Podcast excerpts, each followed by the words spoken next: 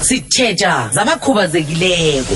Asenzelwa siyazenzela namhlanje sikhambisana no sinenhlanhla mthethwa ongunohlala kuhle eh ovela lapha impumalanga mental health society.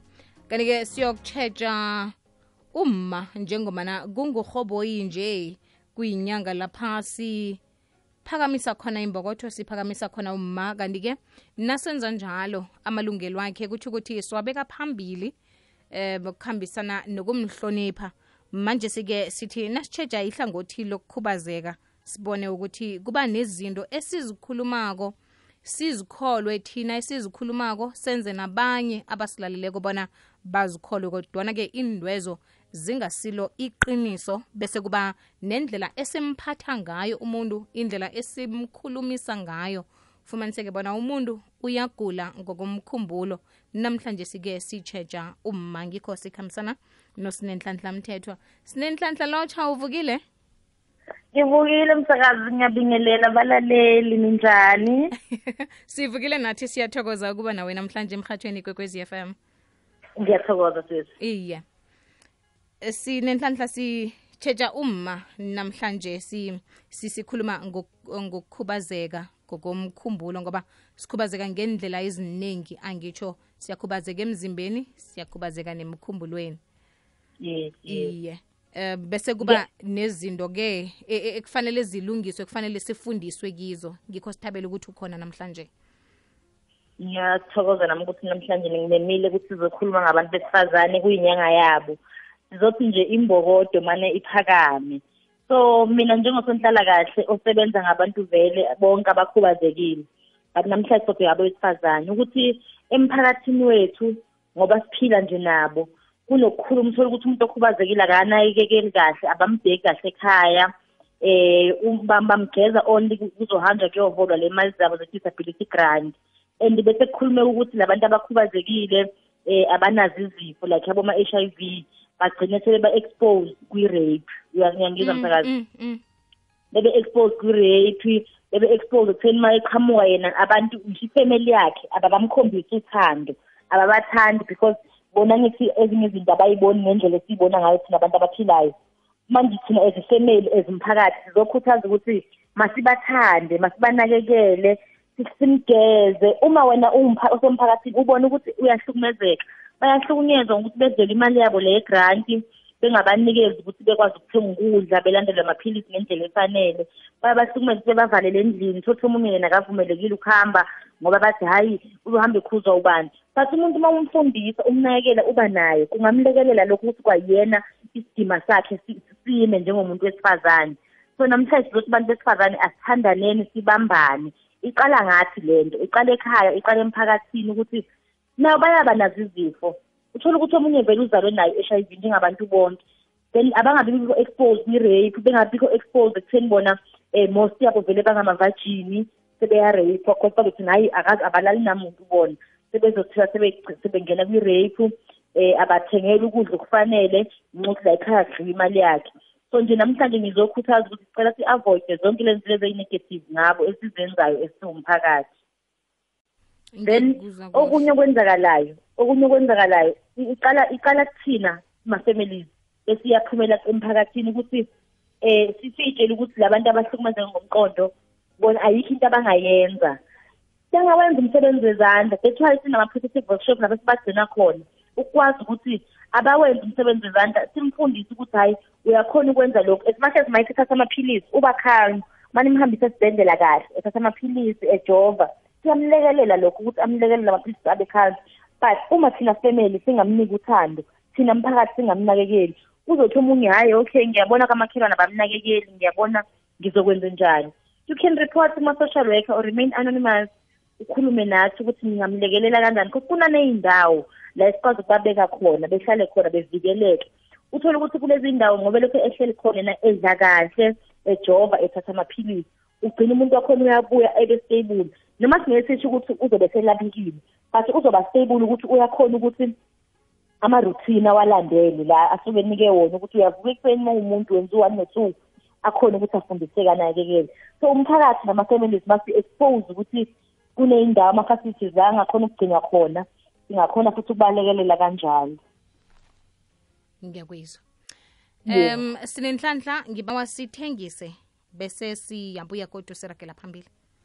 Alright inyanga yabomma igidingwa ngesiqubulo esithi generation equality realizing women's rights for an equal future. Okutsho isizukulwane sokulingana ngokuphumelelisa amalungelo wabomma ukubana kube nengomuso elinokulingana leli ligadango eliphasi lonke njengombana kuqale ijima lokulinganisa kwamathuba nokuphathwa ngobulili nakufika umnyaka ka-2030 hashtag phakama ma lapha kulomkhanyo khona ithemba likhona.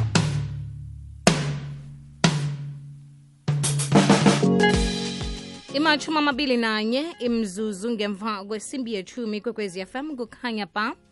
Sikhambisana nosinenhlanhla amthethwa ongunohlala kuhle njengoba nake sitsheja umma o nokukhubazeka. Kanti-ke sifunde ukuthi kufanele simhloniphe njani siphile njani naye simhlogomele njani. Um sinenhlanhla ngazibona singabuza namkhawuragela phambili.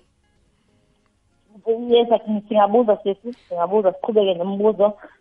Endabeni kamma nokukhubazeka onokukhubazeka uvezile ukuthi kuba nezinto esizicabangako esizitshela ukuthi zinjalo ngaye kanti e-e akusinjalo. Sekufana nengugwana um yentumbantonga i-HIV bese siyarareka ukuthi uyifumane njani. Nakho okhunye engikubona kuyenzeka lapha ku-social media uthole ukuthi umma unokukhubazeka ube nomntwana.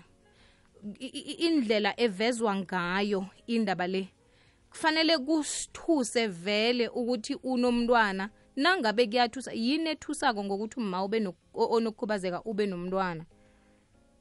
Okay umphakathi wethu ngoba ngisho nje ukuthi awukafundiseki ngokwanele ukuthi abantu aba- abasifazane abakhubazekile nabo bangabantu. Mm. banendlela abaphika nga abaphila ngayo. Um if ifamily vele ifundisekile kahle omunye uyamthola into ozothandana naye bethandane uthole ukuthi bakhubazekile bowu-two um but ama-families ayabanakekela.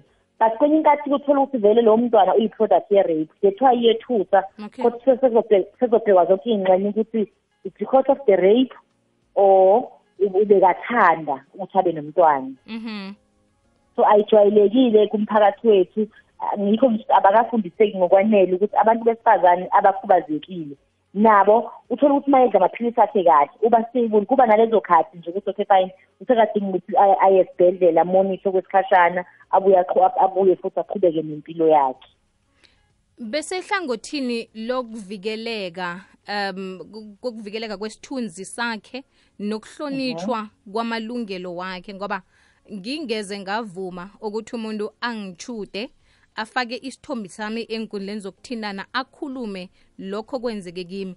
Manje sisele ngikhubazekile ngokomkhumbulo ngivikelwa ngibani ekutheni nasi isithombe sami sekuthunyelwana sona um kucocwa nendaba yami ukuthi kwenzekeni kimi kodwana ngekho ngibuzako ukuthi ngizizwa njani. Um especially nje kwi-social media iyasehlisa kakhulu isithunzi sabantu besifazane abanokukhubazeka kodwa abanye bagcina sebedlala ngawo ey'ngxenye zokuxhumana ezihlukahlukene sebebashutha for i-benefit yabo for i-benefit yodumo lwabo.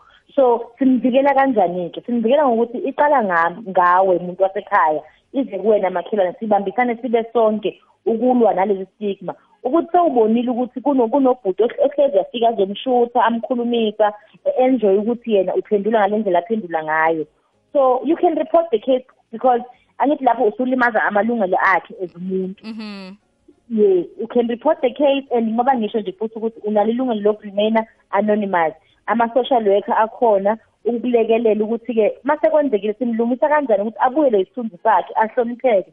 Ngoba kugcina sekuafektheka nomndeni wakhe ukuthi ish sebehlelwa isithunzi ukuthi u-family member yabo seyivele kuma-social media umuntu thizeni sekayishuthile. Singena lapho-ke to offer ama-counselling session. To support them ukuthi how to deal with this issue. I-issue eba e- enkulu kakhulu ngoba phela manje umehlisa isithunzi sakhe one. Two aku-affecteki yena yedwa. It's also leading to the family. Ya ya ngiyakuyizwa sisesekhonapho endabeni yomndeni. Um ngumma uh, mhlambe khona okwenzekile kwempilweni yakhe okwamzisa ubuhlungu kulu wagcina sele a alimala emkhumbulweni. Unomntwana omkhulisako umntwana omndazana um umntwana lo yena usizwa njani ukuzwisisa ukuthi umma akasafani um nokuthi kufanele aphile njani naye ukuya phambili? Uh, yes msakazi. And nje ukuvuleleka lapho i-depression can lead ukuthi umuntu umqondo wakho uphazamiseke permanent if ungayi-attend. Like i- uma ngithi ungayi-attend i mean if you're not going for ama-psychiatric therapist nokuthola i-medication nokuba nama-session nama-social work. So abantu they must take care of themselves. Na- be- beyinakekele ukuthi uma ubona ngathi you need someone to talk to cause ama-experiences nama-past experiences ayalidetha uphazamiseke umqondo ugcine vele ungasakhoni ukucabanga kahle. Kokunye inkathi thola ukuthi mhlawumbe ama-drugs ubheme something ugcine seku-affecta vele umqondo. So ukubuya-ke lapho ngizosho ukuthi wenze njani-ke kwifamily or umuntu osenakekelayo okade ephila kahle then um- isimo sakhe sesishintshile usekaphazamisekile emqondweni. Eh, the moment esahamba vele eh, esaye esibhedlela kutholakala se-affectekile emqondweni sekufanele adle i-medication because abanye i-medication ayiba-treat ngendlela efanayo. Omunye vele imenza abe little bit calm omunye vele alale. So kudiphenda ngomzimba womuntu. So ifamily or anyone who's taking care yalowo muntu lowo uyafundiswa ukuthi okay fine uzoba nolaka ngezinye iy'khathi ezikuthi and how to handle lowo muntu lowo eh as a family also i-support system from ama-social work. Ukuthi mina nidila kanjani-ke manje? Nim-accepta kanjani? Mase sekhona seniyam-accepta nimlekelela kanjani ukuthi ahlezi estable ahlezi anganihluphi so nje but ama-support group esiba nawo ama-counseling session ayasi-assista kakhulu ukuthi nefamily ikwazi ukukhopha nomuntu oselimele emqondweni. Ngikuzwa kuhle.